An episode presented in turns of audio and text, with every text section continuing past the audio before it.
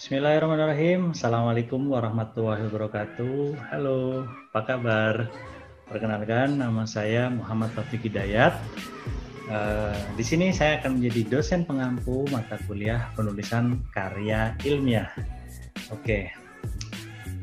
Nah, uh, saya harap Anda itu jangan, aduh, jangan takut dulu, jangan galau dulu ya, mendengar nama mata kuliahnya saja itu udah mengkeret ya, sudah ketakutan. Oh, penulisan karya ilmiah berarti berat sekali ini, harus yang jenius. Tidak seperti itu ya, tidak seperti itu. Pokoknya kunci sukses yang pertama itu harus Anda optimis, yang kedua Anda harus sungguh-sungguh ya dalam kuliah. Semua pasti bisa.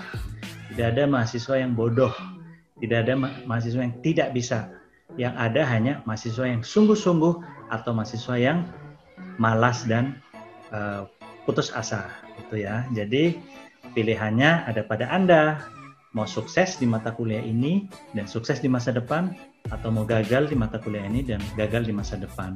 Itu tergantung Anda ya. Jadi uh, bismillahirrahmanirrahim berdoa kemudian optimis dan mari kita bekerja keras dalam mencapai keterampilan dalam mata kuliah ini yaitu bisa menulis karya tulis uh, karya ilmiah atau karya tulis ilmiah terutama gagasan tulis ilmiah. Oke. Nah, kalau kita akan membicarakan tentang karya ilmiah atau karya tulis ilmiah itu nama lengkapnya lebih lengkap lagi itu maka kita harus memahami ada dua uh, dua kata ya atau dua istilah. Pertama karya tulis dan yang kedua yaitu ilmiah. Itu apa sih? Tuh. Karya tulis intinya mudah sekali. Segala buah pikiran atau uh, buah pikiran atau perasaan yang dituangkan dalam bentuk tulisan. Itu bisa tulisan yang dicetak, ditulis tangan langsung, dicetak di uh, diketik kemudian dicetak maupun yang berupa file atau digital. Intinya tulisan kan sekarang ada yang digital dan ada yang cetak gitu. Yaitu karya tulis. Mudah kan? Dengan ilmiah itu apa sih? Ilmiah itu bersifat ilmiah. Ilmiah itu artinya sifat ya. Uh, maksudnya jenis sifat atau adjektif ya. Bersifat ilmiah yaitu mengikuti metode ilmiah. Wah apalagi tuh metode ilmiah metode atau cara yang dipakai oleh para ilmuwan itu baru ilmiah. Jadi kalau mungkin ya kalian itu uh, kadang mendengar atau ada teman yang berkata, oh itu tidak ilmiah, itu ilmiah tidak sih?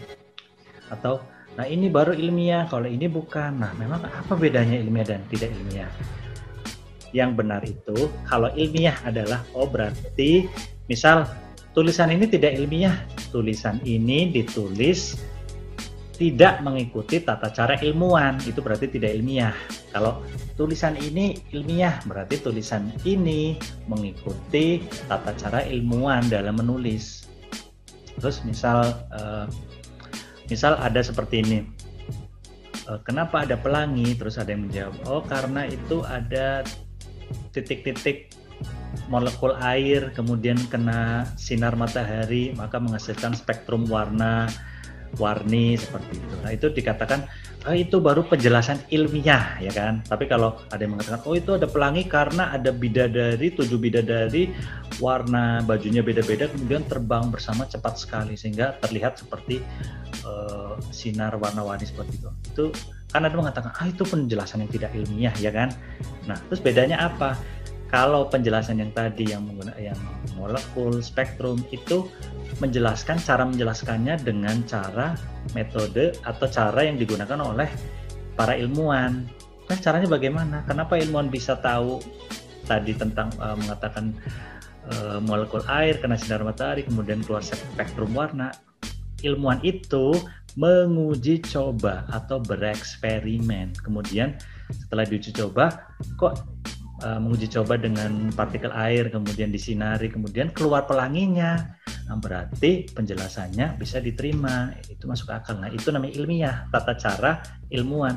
Sedangkan kalau yang penjelasannya itu menggunakan oh itu bidadari, tujuh bidadari warna-warni yang terbang cepat sekali sehingga terlihat seperti itu warna-warni.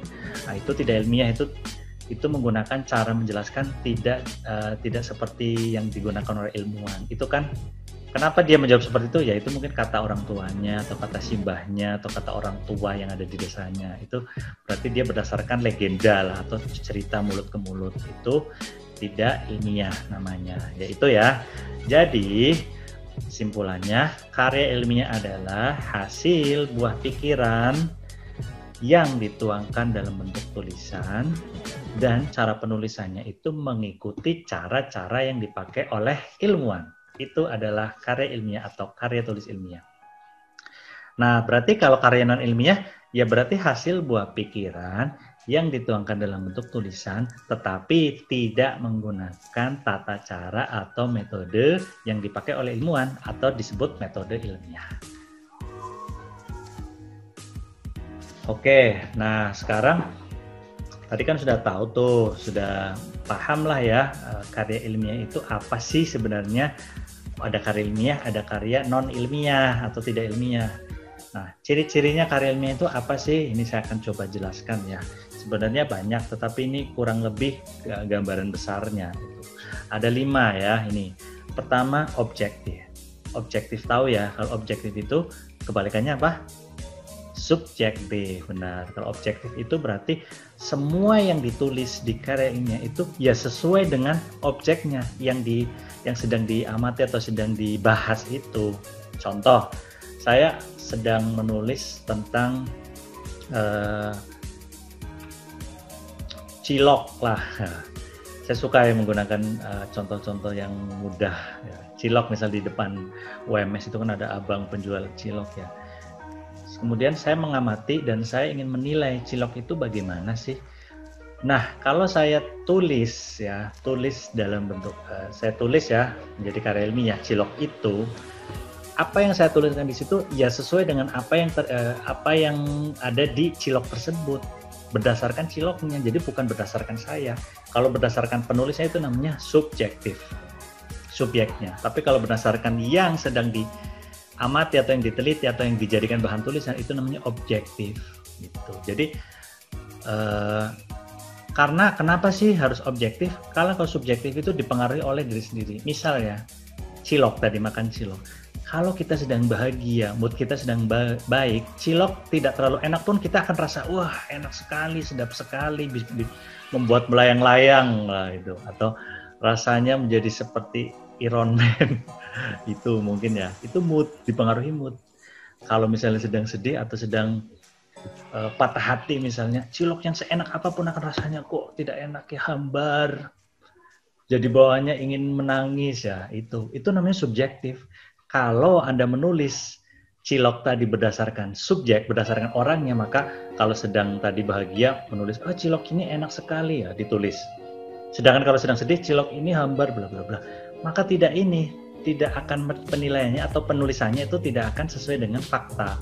Nah, itu makanya karya tulis ilmiah itu harus objektif sesuai dengan apa yang sedang ditulis, tidak boleh mengikuti mood atau e, perasaan dari si penulis. Itu namanya subjektif. Oke, bisa dipahami ya. Kedua, itu logis. Logis itu sederhananya itu e, mengikuti hukum sebab akibat. Jadi ya contoh um, kalau misalnya Anda makan makanan bergizi, ya, maka akan jadi sehat. Kalau Anda merokok, maka akan jadi sakit. Itu sebab akibat ya masuk akal. Kalau eh, HP dimasukkan ke dalam kolam berisi air, maka akan rusak. Itu sebab akibat yaitu itu logis namanya ya logis. Uh, masuk logika atau mengikuti hukum sebab akibat. Masuk akal lah. Tidak uh, tidak kalau misalnya yang tidak logis itu berarti tidak masuk akal. Nah contohnya misal dalam anda menulis uh, sebuah tulisan ya terus kemudian mengatakan bahwa uh, di sini kalau misalnya kita menulis ini lagi ya, menulis misal makanan lagi ya es ya es krim misal. Uh, ketika makan es krim maka akan menjadi meningkatkan kecerdasan dari anak SD ya itu misalnya. Nah terus kenapa bisa meningkatkan kecerdasan dari anak SD ini itu harus dijelaskan secara masuk akal sebab akibatnya apa bukan berarti tidak boleh boleh-boleh saja kalau misalnya dalam karya ilmiah maka ditulis karena es krim ini mengandung uh, vitamin C, vitamin A, beta karotin misalnya yang akan menyuplai sel-sel otak sehingga ting, uh, sehingga kecerdasan dari anak itu akan meningkat. Nah, itu berarti masuk akal. Oh, berarti es krim jadi cerdas. Alasannya itu, alasannya bisa diterima akal, hukum sebab akibatnya masuk. Itu namanya logis. Tapi kalau es krim menjadi cerdas karena es krimnya berwarna merah sedangkan merah melambangkan kecerdasan itu tidak masuk akal itu namanya tidak logis oke? Okay? ya itu bisa dipahami ya. Kemudian tiga netral. Netral itu ya mirip dengan objektif lah. Intinya itu tidak dipengaruhi oleh si penulis karya itu ya. Contoh sedang si penulis karya itu sedang menulis uh, tentang Jokowi padahal dia pendukungnya Prabowo maka dia akan menulis pokoknya banyak yang negatif tentang Jokowi. Itu namanya tidak netral, ya. Itu kalau misalnya memang bagus ya tulislah bagus, kalau jelek tulislah jelek, ya itu seperti itu harus netral. Itu kalau karya ilmiah itu. Ya ini mirip dengan objektif lah netral ini ya, sesuai dengan kenyataan aslinya, tidak dipengaruhi oleh orangnya atau subjektif. Sistematis, sistematis itu urut. Nah, nanti di karya ilmiah itu urut dari pertama pendahuluan, latar belakang masalahnya apa sih, Kemudian yang kedua, rumusan masalahnya apa? Yang ketiga, kemudian metodenya apa? Metode penulisannya atau metode penelitiannya apa? Kemudian hasilnya bagaimana? Pembahasannya bagaimana? Kesimpulannya bagaimana? Terakhir daftar pustaka. Itu urut sistematis ya, urut ya dari awal sampai. Tidak boleh dibolak-balik eh, kesimpulan dulu baru pendahuluan tidak boleh. Terus dan alurnya maju maju terus ya. Jadi kalau misalnya karya non ilmiah dia mungkin ada yang alur maju alur mundur bolak balik itu tapi kalau dalam karya ilmiah tidak boleh harus urut ya. Dari tadi pendahuluan sampai kesimpulan kemudian waktunya juga maju semua tidak boleh maju mundur maju mundur. Itu ya sistematis bisa dipahami ya. Ini yang terakhir menggunakan bahasa formal. Ini jelas lah menggunakan kalau di Indonesia pedoman umum ejaan bahasa Indonesia atau PUEBI silakan nanti setelah ini anda download kemudian pelajari lagi PUEBI itu apa. PUEBI itu bagi, uh, me, menjadi panduan kita untuk menulis yang benar yang baik dan benar ya. Huruf kapital bagaimana huruf miring bagaimana penggunaan angka bagaimana kemudian penggunaan kurung buka kurung tutup bagaimana? Itu semua ada aturannya ada di PUEBI nah semua harus belajar. Semua orang Indonesia warga negara Indonesia bahkan orang asing yang belajar bahasa Indonesia harus belajar itu ya. Ini jadi PUEBI itu dipelajari sepanjang hayat. Setelah tadi kita membahas ciri-ciri karya ilmiah atau karya tulis ilmiah sekarang kita kebalikannya. Nah kalau karya tulis ilmiah itu apa? Karya tulis non ilmiah itu cirinya apa? Pertama, ditulis berdasarkan fakta pribadi. Jadi um, di karya non ilmiah ini itu ditulis berdasarkan apa yang dilihat atau yang dirasakan atau yang ditangkap oleh indera si penulis saja. Jadi subjektif sekali ya. Mungkin misal orang itu saya misal melihat uh, mahasiswa Joko misalnya saya pernah melihat Joko kok dia uh, ini ya memarahi temannya. Kemudian satu kali melihat seperti itu. Kemudian saya ber, menyimpulkan bahwa oh Joko itu masih yang galak ya ke temannya itu marah-marah saya pernah lihat? Itu padahal mungkin saat itu memang memarahi temannya yang dia keterlaluan atau salah ya. Dan Joko itu jarang marah-marah itu jadi ketika saya menulis uh, Joko adalah mahasiswa yang uh, galak dan sebagainya sebagainya. Itu fakta berdasarkan fakta tapi fakta pribadi. Kalau di di ilmiah itu tidak. Hanya sekali melihat tidak boleh terus menyimpulkan Joko itu galak tidak. Tapi harus lihat lagi atau wawancara teman eh Joko itu galak ya? Mungkin ada teman yang jawab iya atau ada teman yang mengatakan eh, tidak Joko itu tidak galak tidak pernah marah-marah Tuh, jadi dalam karya ilmiah, caranya ilmuwan itu tidak hanya sekali melihat, tetapi harus check and recheck, cek dan recheck, di konfirmasi, introspeksi, di klarifikasi itu. Yang kedua, Nah, ini ya samalah fakta yang disimpulkan subjektif. Tidak perlu saya jelaskan ya, sudah jelas tadi. Kemudian bersifat persuasif ya. Ini ya karya non ilmiah kan punya banyak jenis ya. Salah satunya ya ini ada yang jenisnya persuasif atau mengajak orang ya mengajak orang untuk uh, melakukan sesuatu atau untuk meninggalkan sesuatu itu bisa seperti itu. Tapi ini jadi mengajak ya, memang ada uh, ada sudah punya tujuan untuk mempengaruhi orang. Kalau karya ilmiah tujuannya tidak untuk mempengaruhi orang, tujuannya hanya untuk memberi informasi atau membeberkan fakta. Tetapi eh, apa yang akan dilakukan oleh pembaca karya ilmiah itu ya sudah terserah. Jadi karya tulis ilmiah itu bersifat netral, ikhlas, tulus, ikhlas, tidak punya eh, kepentingan di balik ini. Oh, menulis karya tulis karya ilmiah ini supaya orang seperti ini, orang seperti tidak. Dia hanya mau menginformasikan saja. Walaupun mungkin punya tujuan di, di belakangnya, ya tapi tidak apa-apa tetapi tidak kemudian di, di benar-benar ditulisan di situ maka uh, uh, uh, maka lakukanlah ini atau jangan lakukan ini. Tidak. Memang di karya ada namanya saran ya. Itu saran berupa saran. Ya, jadi recommendation bukan ajakan. Gitu ya. Kemudian karya non ilmiah tidak memuat hipotesis. Hipotesis itu apa? Hipotesis adalah dugaan tetapi dugaan yang masuk akal bukan dugaan yang ngaco kalau bahasa gaulnya ya. Bukan. Jadi hipotesis misalnya uh, karya ilmiah Anda ingin membuat sepertinya kalau misalnya anak SD diberi jajan uh, apa keju mozzarella misalnya ya puding dengan keju mozzarella misalnya maka dia akan semangat belajar. Itu. Nah, Anda harus menduga uh, jajan puding dengan keju mozzarella akan meningkatkan semangat atau motivasi belajar siswa. Itu. Tetapi itu Anda menduga itu berdasarkan logika ya, menduga, uh, yang masuk akal. Walaupun itu belum terbukti ya, kan baru dugaan namanya hipotesis. Tetapi karena si keju mozzarella itu dan puding mengandung uh, zat gizi yang bisa meningkatkan dopamin atau misalnya meningkatkan apa yang uh, untuk memicu motivasi dari orang atau manusia itu seperti itu jadi dugaan anda berdasarkan logika-logika atau fakta ilmiah tidak boleh ngaco bahwa oh anak SD makan puding dengan keju mozzarella maka jadi glowing misalnya Nah itu alasannya apa? Ya karena puding itu glowing, maka yang makan bisa jadi glowing. Nah itu namanya uh, dugaan yang ngaco, dugaan yang uh, dugaan ngaco itu bukan hipotesis ya kalau dugaan yang masuk akal, dugaan yang logis itu hipotesis. Kemudian yang terakhir ciri-ciri karya non ilmiah itu bahasanya konotatif dan populer. Bahasa populer itu bahasa yang disukai oleh masyarakat itu bahasa gaul.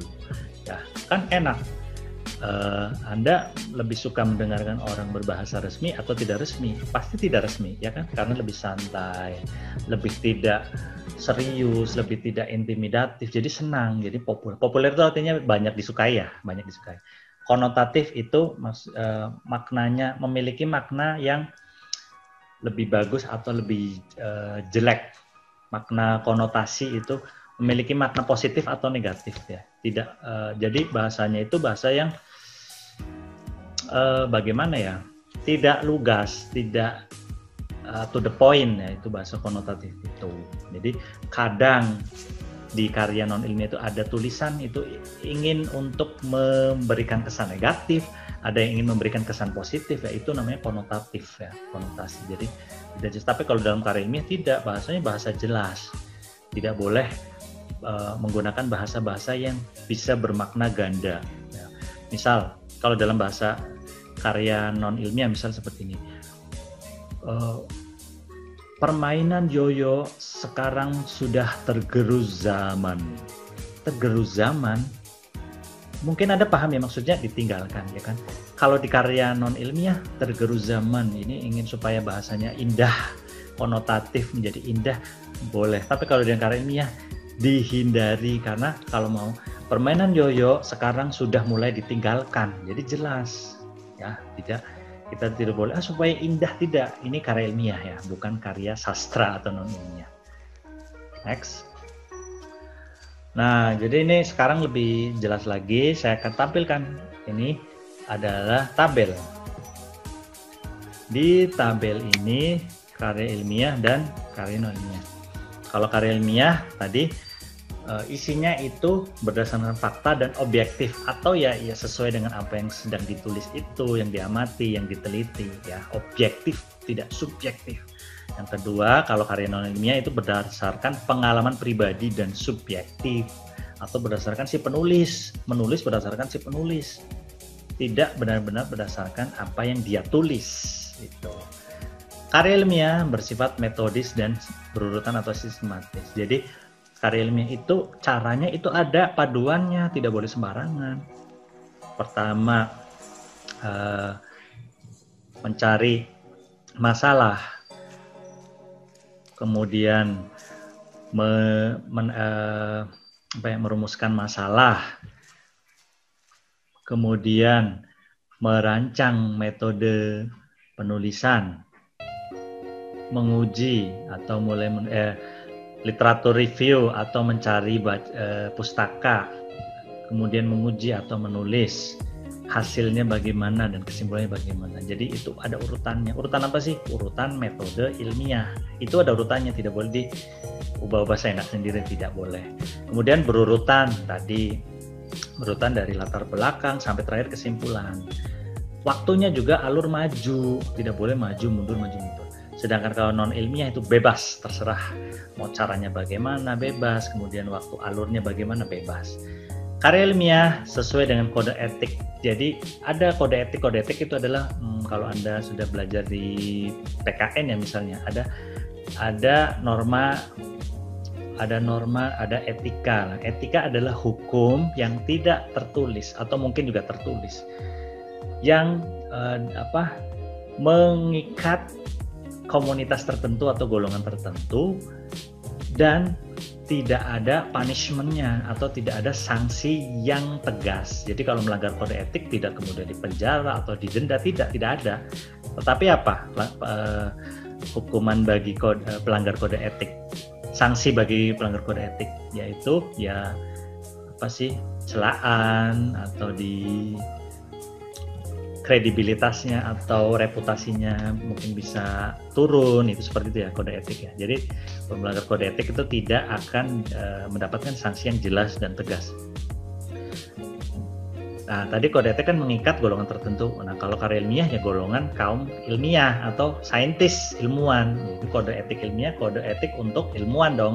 Kalau kode etik kedokteran untuk dokter, kode etik guru ya berarti untuk guru itu seperti itu ya jadi kode etik itu hanya men, menjangkau golongan atau komunitas tertentu kalau kalian ilmiah itu mengikuti kode etik ya ada uh, kalau saya sampaikan semuanya banyak sekali ya. Salah satu kode etiknya yaitu harus jujur tidak boleh plagiat tidak boleh mencontek ya itu kemudian kalau misalnya mau menulis mewawancarai orang kemudian mau ditulis dalam karya ilmiah maka harus izin dulu. Orangnya juga harus memahami bahwa oh saya mau dijadikan objek tulisan ilmiah. Itu kode etik. Tidak boleh bohong atau uh, pura-puranya wawancara biasa tapi kemudian ditulis itu tidak boleh harus sesuai kode etik yang diwawancari atau menjadi sumber data karya ilmiah itu harus tahu dan mau oke okay? Nah, kalau karya non ilmiah bebas. Terakhir, karya ilmiah itu kalau misalnya karya ilmiah itu berupa kritik ya, kritik terhadap apa sih misalnya teori yang dulu, karya ilmiah sebelumnya itu harus berdasarkan bukti-bukti yang logis dan ilmiah. Nah, kalau karya ilmiah misal kritik sastra ya. Jadi ada kritik sastra, sastrawan A maupun kritik sastrawan B yang sudah menulis buku terlebih dahulu. Itu berdasarkan pikiran pengarang ya bukan bukti-bukti tapi pendapat atau perasaan pikiran dari pengarang bahwa oh ini kok seperti ini kurang seperti ini seperti ini. Gitu ya. Oke. Fungsi karelmia nah Nah, Anda belajar kuliah di sini dapat mata kuliah penulisan karya Ya pasti kan harus ngerti lah. Nah, terus gunanya saya belajar ini untuk apa, Pak? Saya kan mahasiswa saya mau jadi guru SD uh, ada fungsinya apa tidak Ya pasti ada ya. Secara umum, tapi ini saya akan jelaskan secara umum ya. Anda sebagai mahasiswa PGSD maupun nanti jadi guru SD atau mungkin bekerja di tempat lain ya. Kecuali mungkin ah saya setelah lulus SD mau jadi model pak ya, ya terserah berarti mungkin tidak butuh menulis karya ilmiah ya. Kalau jadi guru atau kerja di menjadi dosen atau jadi ilmuwan atau jadi di ya, NGO misalnya non government organization penting juga loh untuk menulis karya. Oke, balik lagi ya. Fungsi karya ilmiah fungsi dasarnya ya jelas ini sarana komunikasi. Kan tulisan memang. Tulisan itu adalah sarana untuk berkomunikasi, ya kan? Kita berkomunikasi kan cara dengan tertulis dan dengan lisan verbal ya ini karya tulis ilmiah ya sarana komunikasi. Komunikasi siapa? Ya jelas namanya karya tulis ilmiah, kom sarana komunikasinya para ilmuwan. Oh, berarti para ilmuwan ya. Saya tidak per, berarti saya tidak perlu belajar dong, Pak. Saya kan bukan ilmuwan. Kata siapa? Bahkan anak SD pun bisa jadi ilmuwan, ya. Syaratnya jadi ilmuwan apa sih, Pak? Syaratnya ilmuwan adalah melakukan sesuatu kerja berdasarkan metode ilmiah. Cukup cuma itu saja langsung bisa jadi ilmuwan. Jadi tidak perlu oh ilmuwan berarti harus kuliah di apa prodi murni, misal teknik uh, kimia murni misalnya atau matematika murni, kemudian uh, sarjana sains lulusannya atau master science, kemudian kerja di lembaga penelitian atau jadi dosen misalnya. Tidak, tidak harus seperti itu. Anak SD bisa jadi ilmuwan, tukang becak tidak lulus SD, kalau dia bekerja berdasarkan metode ilmiah, sebenarnya dia juga bisa dikatakan ilmuwan. Nih, saya beri contoh ya. Thomas Alva Edison, dia ilmu mungkin salah satu ilmuwan modern ya. Ya, ilmu modern maksudnya 100 tahun belakangan lah ilmuwan modern yang paling paling uh, top. Kenapa top? Karena kenapa top ya? Topnya dua ini. Mungkin kalau jempol saya 10 saya beri top 10. Karena uh, beliau itu menemukan uh, adalah ilmuwan yang paling produktif dan produk-produknya bisa di, dinikmati manusia sampai sekarang. Yang paling terkenal ya telepon, jelas ya itu. Dan uh, oh maaf bukan telepon. Maksud saya bola lampu. Bola lampu ya itu. Bola lampu dan sebagainya. Ada banyak sih kalau tidak salah kulkas. Maaf saya tidak hafal ya. Tapi beliau adalah yang paling produktif. Jadi ilmuwan yang salah satu ilmuwan paling top top di abad ini. Beliau tidak lulus SD SD itu tidak lulus dikeluarkan karena dianggap idiot oleh gurunya nah itu tapi terus sekarang jadi ilmuwan yang paling hebat. Waktu dia penelitian mengikuti kaidah-kaidah uh, ilmiah maka disebut ilmuwan gitu ya. Oke, jadi pertama untuk sarana komunikasi, hasil-hasil penelitian, hasil-hasil kerja. Anda membuat makalah juga itu sebuah karya ilmiah loh, berarti Anda ilmuwan. Kan untuk komunikasi kepada siapa? Kepada dosennya, kepada pembaca. Makalahnya taruh di perpus dibaca, adik tingkat dibaca, uh, mahasiswa prodi lain kan Berarti komunikasi Anda dengan mereka. Yang kedua, fungsi dasar itu. Fungsi utama ya sarana keilmuan, jelas ya. Jadi contoh nih kalau misalnya uh, sekarang ilmuwan yang dibayar ya ilmuwan yang dibayar itu maksudnya yang jadi profesi ya. Entah ilmuwan di lembaga ilmu pengetahuan Indonesia LIPI lembaga Eichmann misalnya atau uh, di semua perusahaan yang kerja di divisi litbang atau penelitian pengembangan dia itu kan ilmuwan. Dosen juga ilmuwan yaitu itu sebagai sarana. Jadi kita menulis karya tulis ilmiah karya ilmiah ya pertama itu kita penelitian kemudian kita menuangkan hasil penelitian kita di dalam karya ilmiah itu jadi sarana. Kemudian dipublikasikan supaya dibaca orang hasil hasil penelitian kita atau hasil gagasan ilmiah kita. Itu jadi sarana. Kemudian fungsi ekspresif ya ini yaitu kebebasan. Jadi sebagai sarana ya orang semua orang tadi ya saya mengatakan ada anak SD, tukang becak, mahasiswa, guru, dosen, ilmuwan yang memang dibayar di LIPI misalnya itu bebas untuk melakukan penelitian, melakukan metode atau cara-cara ilmiah, kemudian menuliskannya. Jadi karya ilmiah adalah sarana kebebasan seseorang untuk memecahkan masalah dengan tulisan-tulisan ilmiahnya. Tadi fungsi ya, sekarang tujuan. Oke. Nah, sekarang tujuan ilmiah terutama untuk mahasiswa ya, ini udah udah agak spesifik ya. Kenapa sih kalian itu harus belajar karya ilmiah? Ada banyak, tapi ini saya nulis yang garis besar saja. Pertama, etos ilmiah itu maksudnya kerja uh, apa ya namanya etos itu tata cara lah bahasa bahasa mudanya tata cara ilmiah. Jadi kalau mahasiswa e, menulis karya ilmiah itu pada hakikatnya mereka sedang belajar atau membiasakan diri untuk bekerja dan menulis dengan cara-cara ilmiah atau uh, ibaratnya membiasakan diri atau berlatih menjadi seorang ilmuwan. Nah, itu namanya etos ilmiah.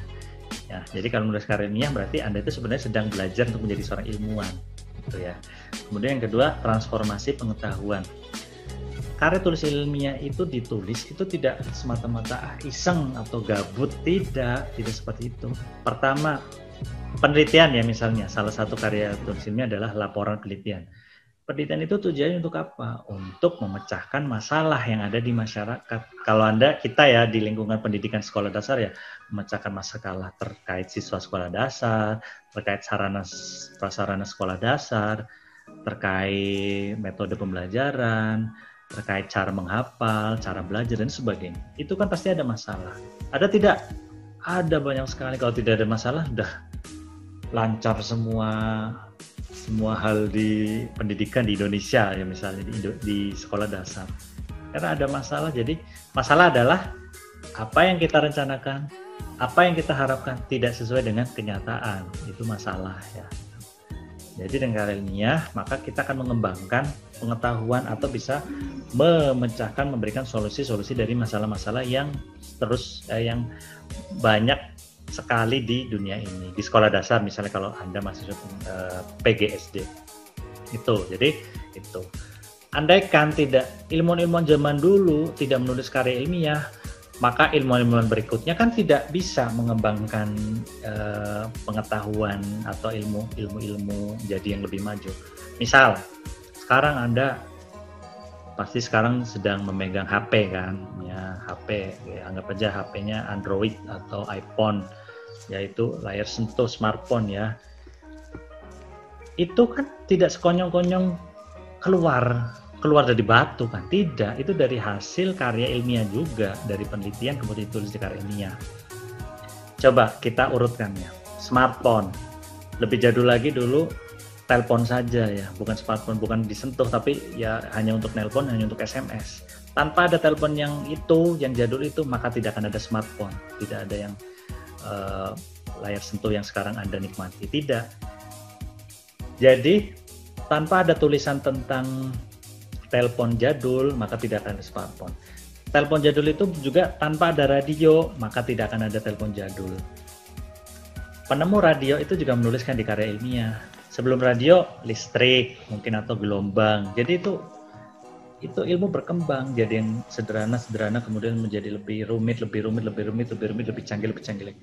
Coba kita urutkan lagi tadi dari awal misalnya ada ilmuwan yang menemukan gelombang radio, kemudian mungkin 50 tahun berikutnya ada ilmu dia menuliskan ya di karya ilmiah, kemudian 50 tahun berikutnya ada yang menemukan radio sederhana ya ditulis Kemudian karena tulisan itu 20 tahun berikutnya ada ilmuwan lagi yang menemukan radio yang lebih canggih, 20 tahun berikutnya ada yang menemukan telepon sederhana, 20 tahun berikutnya ada yang menemukan uh, telepon yang canggih dan semakin canggih seperti sekarang. Itu hasil dari penemuan atau kerja-kerja ilmuwan yang ditulis di karya ilmiah kemudian dibaca ilmuwan-ilmuwan muda berikutnya dan dikembangkan jadi lebih canggih lagi. Oke. Okay?